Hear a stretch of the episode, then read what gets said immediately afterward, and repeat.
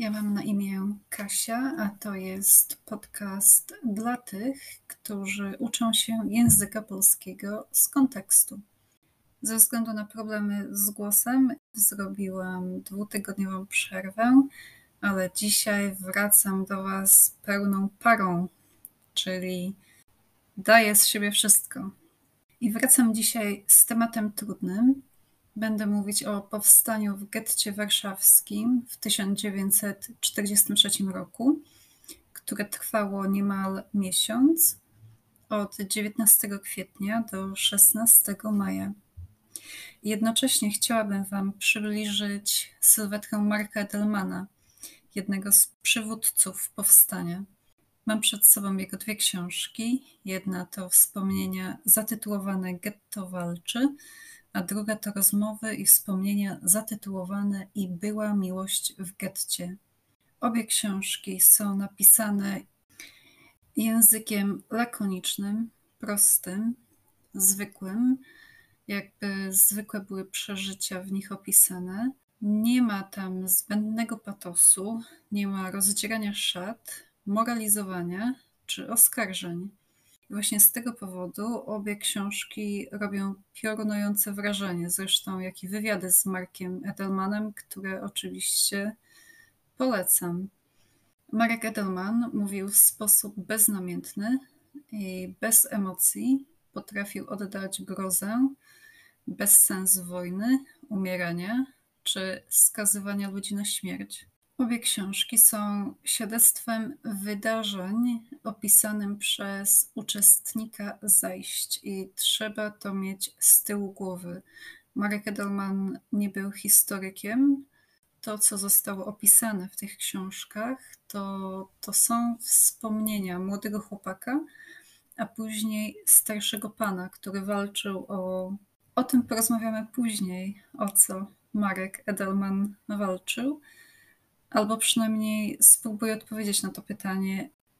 Dobrze, najpierw trochę liczb, żebyście sobie przedstawili, czyli wyobrazili sytuację w getcie i warunki życia, warunki, jakie tam panowały.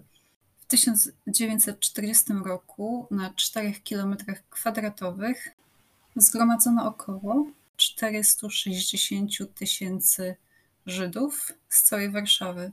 Pod koniec 1941 roku wyżywienie nie przekraczało 400 kalorii na osobę dziennie, a ze względu na złe warunki, ze względu na brak higieny, ze względu na szerzące się choroby, w przeciągu dwóch lat w getcie zmarło około 100 tysięcy osób.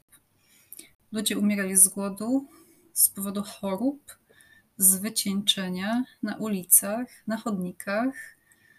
Ich zwłoki były codziennie zabierane przez przejeżdżający przez ulicę wózek.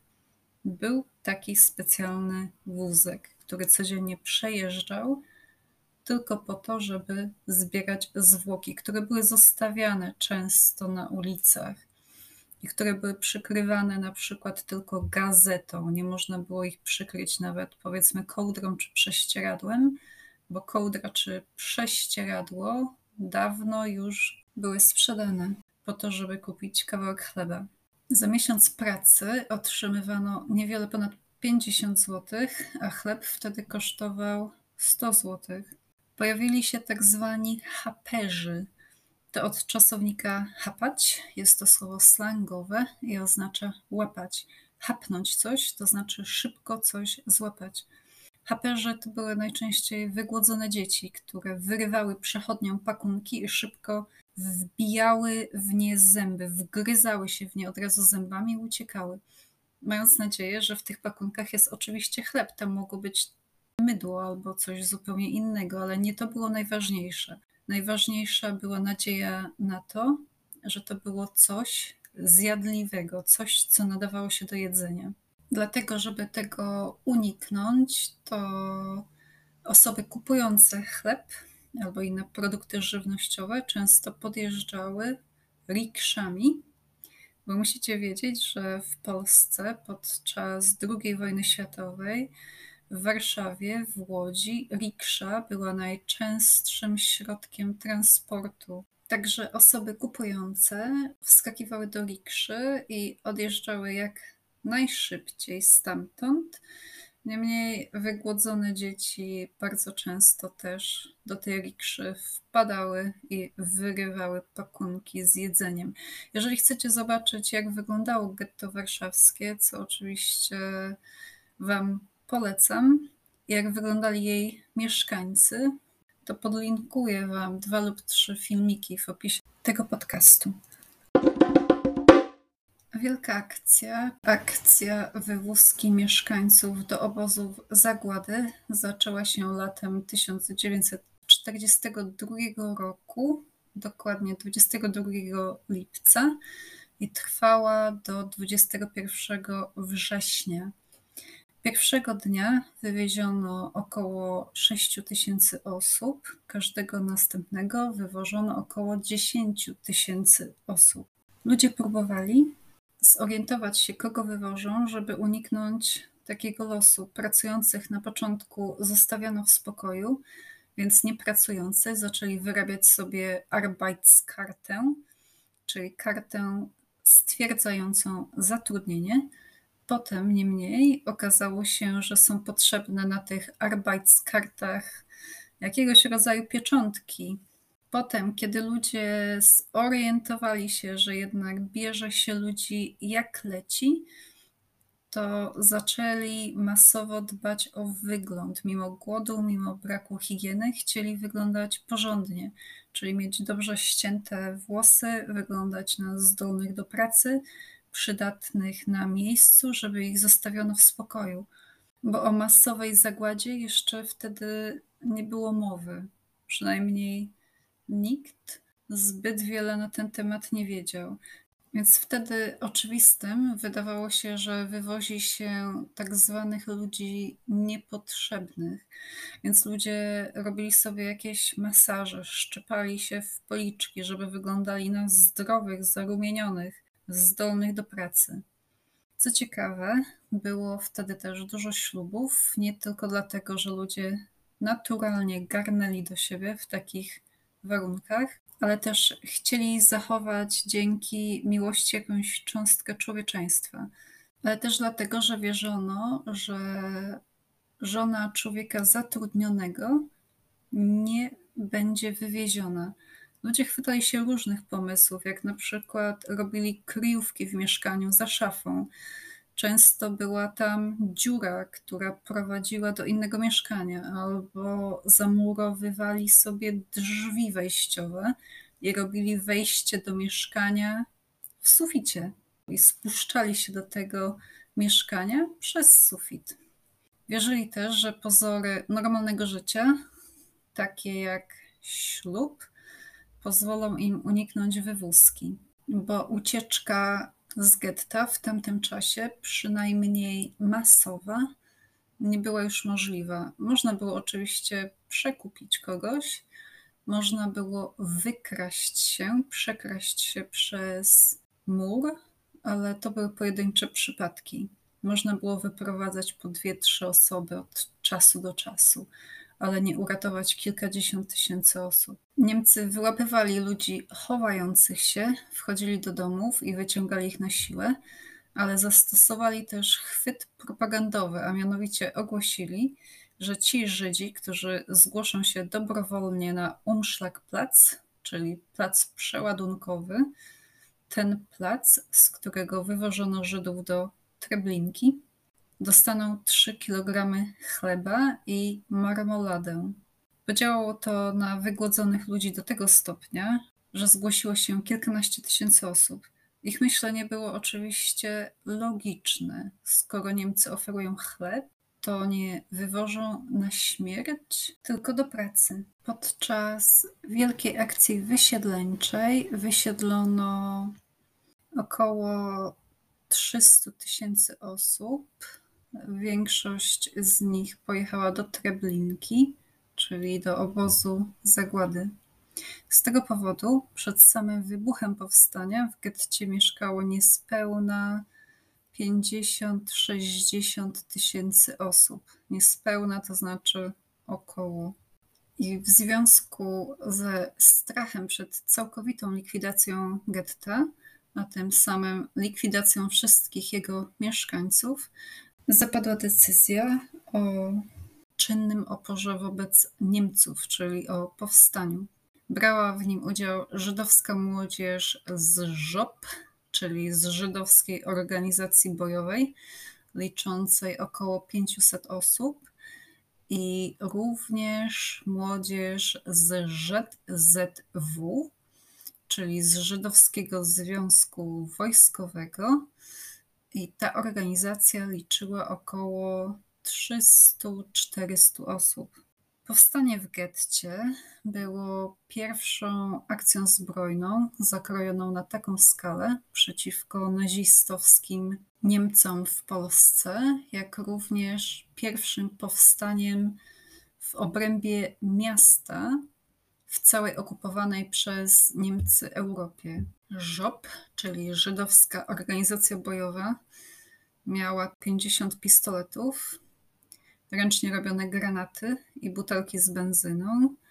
Miała też około kilku kilogramów prochu. I to było wszystko, co miała przeciwko potędze niemieckiej.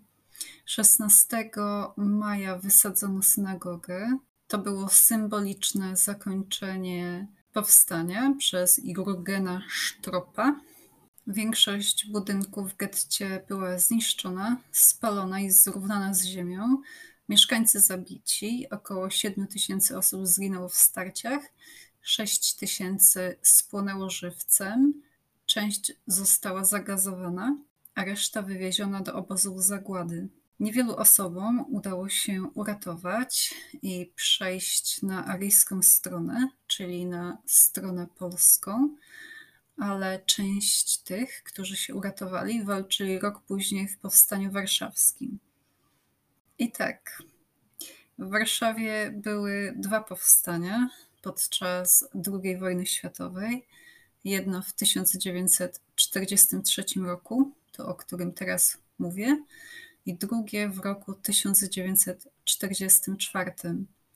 Oba były nieudane i oba pochłonęły tysiące ofiar. Jednak na samym początku powstania była euforia ze względu na zaskoczenie. Niemcy zupełnie nie spodziewali się czynnego oporu. Spalono dwa niemieckie czołgi i wielu Niemców zostało zabitych, co pozwoliło na zdobycie nowej niemieckiej broni. Niemcy, widząc, że nie pokonają powstańców w walce ulicznej, zaczęli podpalać domy i wpuszczać gaz do kryjówek. Systematyczne podpalanie miało za zadanie wypłoszyć chowających się ludzi. Ludzie często też siedzieli w kanałach, które pozwalały się ochłodzić, a potem uciekali z nich ze względu na gaz. Często się mówi o tym, że była to walka nierówna. Niemniej powiedzieć, że była to walka nierówna, to jak nic nie powiedzieć. Według mnie była to walka skazana na klęskę od samego początku, biorąc pod uwagę uzbrojenie i siły po jednej i po drugiej stronie. Chociaż oczywiście nie wszyscy tak uważali. Bojownicy z ŻZW, czyli Żydowskiego Związku Wojskowego, byli lepiej uzbrojeni i przygotowani do powstania niż bojowcy z Żobu, czyli z żydowskiej organizacji bojowej. Liczyli oni na to, że po dwóch, trzech dniach akcji zbrojnej uda im się wydostać z getta i dołączyć do partyzantki. Niemniej bojowcy z Żobu, między innymi Marek Edelman, otwarcie mówił, że nie było żadnej nadziei na to, że powstanie coś zmieni, czyli że kogoś się uratuje albo że się zwycięży. Czy zatem walka bez nadziei na zwycięstwo ma sens? Bez szans na uratowanie choćby kilku istnień ludzkich, na zmianę sytuacji, na możliwość wywalczenia sobie czegoś. Marek Edelman mówił, że najważniejszą wartością w życiu jest samo życie, a potem wolność. A jak nie ma wolności, to się oddaje za nią życie i już nie wiadomo, co jest najważniejsze. Bo wartości, jak i moralność są zmienną. Czym innym jest zabijanie w czasie pokoju, czym innym jest zabijanie w czasie wojny. W pierwszym przypadku idzie się do więzienia, w drugim przypadku można dostać medal. W czasie pokoju w ustroju demokratycznym życie ludzkie jest bardzo cenne. W ustroju autorytarnym lub podczas wojny jest tanie. Kosztuje 3 kg chleba. Żeby odpowiedzieć na pytanie, po co było się tłuc, trzeba byłoby wejść w umysły ludzi, którzy uczestniczyli w powstaniu w getcie w 1943 roku i spróbować zrozumieć i choćby przybliżyć powód rzucania się na śmierć przeciwko Niemcom z 50 pistoletami, 50 granatami i kilkoma kilogramami materiałów wybuchowych. Głosy były takie, że to dla historii, dla potomnych, dla honoru, ale też były głosy prozaiczne, takie, że łatwiej jest umrzeć w walce szybciej. Lub jak mówił Marek Edelman, śmierć od kuli, śmierć niejako nieoczekiwana, jest elegantsza. Bez kopania własnego grobu, bez rozbierania się, bez upokorzeń, bez duszenia się w komorze gazowej. Elegantsza śmierć. Niemniej ja tu mam pewną teorię, oprócz tezy elegancji śmierci, która mnie oczywiście uwodzi jako niepoprawną romantyczkę. Uważam, że właśnie dlatego, że powstanie nie miało szans na powodzenie, wybuchło. Z braku możliwości wyboru jakiegokolwiek wyboru, a już na pewno ścieżki życia, wybrano sposób umierania, sposób w jaki się umrze. I właśnie z tego powodu powstanie w getcie warszawskim przeprowadzone przez Żydów lub Polaków żydowskiego pochodzenia było powstaniem na wskroś polskim. Już tłumaczę. Polacy są narodem romantyków, którzy utracili swój kraj na 123 lata w wyniku rozbiorów. Trzeci i ostatni rozbiór był w 1795 roku. Został dokonany przez Prusy, Austrię i Rosję. Polacy cierpieli w wyniku rusyfikacji, germanizacji. Podczas tego okresu, okresu romantyzmu, powstawały w Polsce tak zwane utwory ku pokrzepieniu serc, w których opiewano dawną chwałę Rzeczpospolitej i ciche marzenia na odzyskanie ojczyzny. To tak w telegraficznym skrócie, czyli krótko, szybko. Co to ma wspólnego z powstaniem w getcie? Ano to, że podczas okresu rozbiorowego w Polsce również wybuchały powstania skazane na porażkę, jak na przykład powstanie listopadowe z 1830 roku albo powstanie styczniowe z 1863 roku, które było katastrofalne pod względem konsekwencji, jakie spadły później na Polskę. Czy zatem, zapytacie mądrze, nie lepiej było tych powstań nie przeprowadzać? Może i lepiej byłoby nie, ale to byłoby nie po polsku. Polacy nie są narodem realistów, tylko narodem romantyków. W Polsce po powstaniu styczniowym ogłoszono żałobę narodową. Pojawiły się organizacje spiskowe, a pisarze zajęli się pracą na dobre. Tym razem pracą organiczną, czyli u podstaw weszliśmy w fazę pozytywizmu, ale podszytego żalem, klęską, czarnowictwem. Więc tej pracy mającej dawać jakąś nadzieję na zmianę w przyszłym pokoleniu wyzierała ponura romantyczność i trupia główka Adama Mickiewicza. O Mickiewiczu, nawiasem mówiąc, był już podcast. Żydzi jako Polacy innej narodowości, żyjący w państwie polskim od około tysiąca lat, niektórzy jak Hasydzi żyli niejako osobno. Była natomiast grupa Żydów zasymilowanych, którzy oczywiście przeniknęli tą polskością, tym polskim niepoprawnym romantyzmem, tym marzycielstwem, tą wiarą w lepsze jutro, wiarą w to, że rzucanie się z szabelką na czołg ma sens, w to, że lepiej umierać walcząc niż żyć w niewoli. To jest część, można powiedzieć, polskiego charakteru narodowego, który bardzo głęboko jest zakorzeniony w polskiej kulturze, w polskiej literaturze, nawet w polskiej muzyce. Można to usłyszeć w polskiej edukacji. To jest coś, co każdy z nas ma głęboko w sercu, ma, powiedziałabym, że, że to jest wchłaniane niejako przez osmozę, żyjąc w Polsce, mieszkając w Polsce, będąc Polakiem.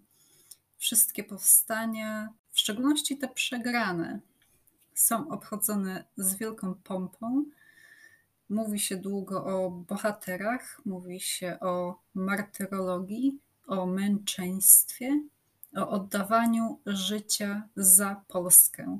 Polska często jest przedstawiana jako kobieta, jeszcze częściej jako matka w polskiej literaturze. Polskę trzeba chronić. My wszyscy jesteśmy dziećmi Polski. Powinniśmy ją chronić przed wrogiem. Powinniśmy ginąć dla niej i powinniśmy poświęcać swoje życie po to, żeby ona mogła istnieć. Nawet pierwsza zwrotka polskiego hymnu mówi: Jeszcze Polska nie zginęła, kiedy my żyjemy. Co nam obca przemoc wzięła, szablą odbierzemy. O Polskę trzeba walczyć. Zawsze.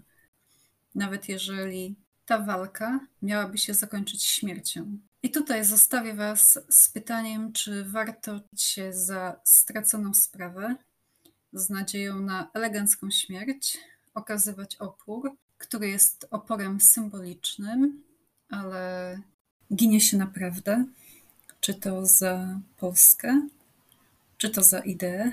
Mam tylko nadzieję, że nie zbanalizowałam ani słów Marka Edelmana, którego zacytowałam w tym odcinku, ani cierpień doznanych przez Żydów w getcie warszawskim. Dziękuję za wysłuchanie tego odcinka i do usłyszenia za tydzień.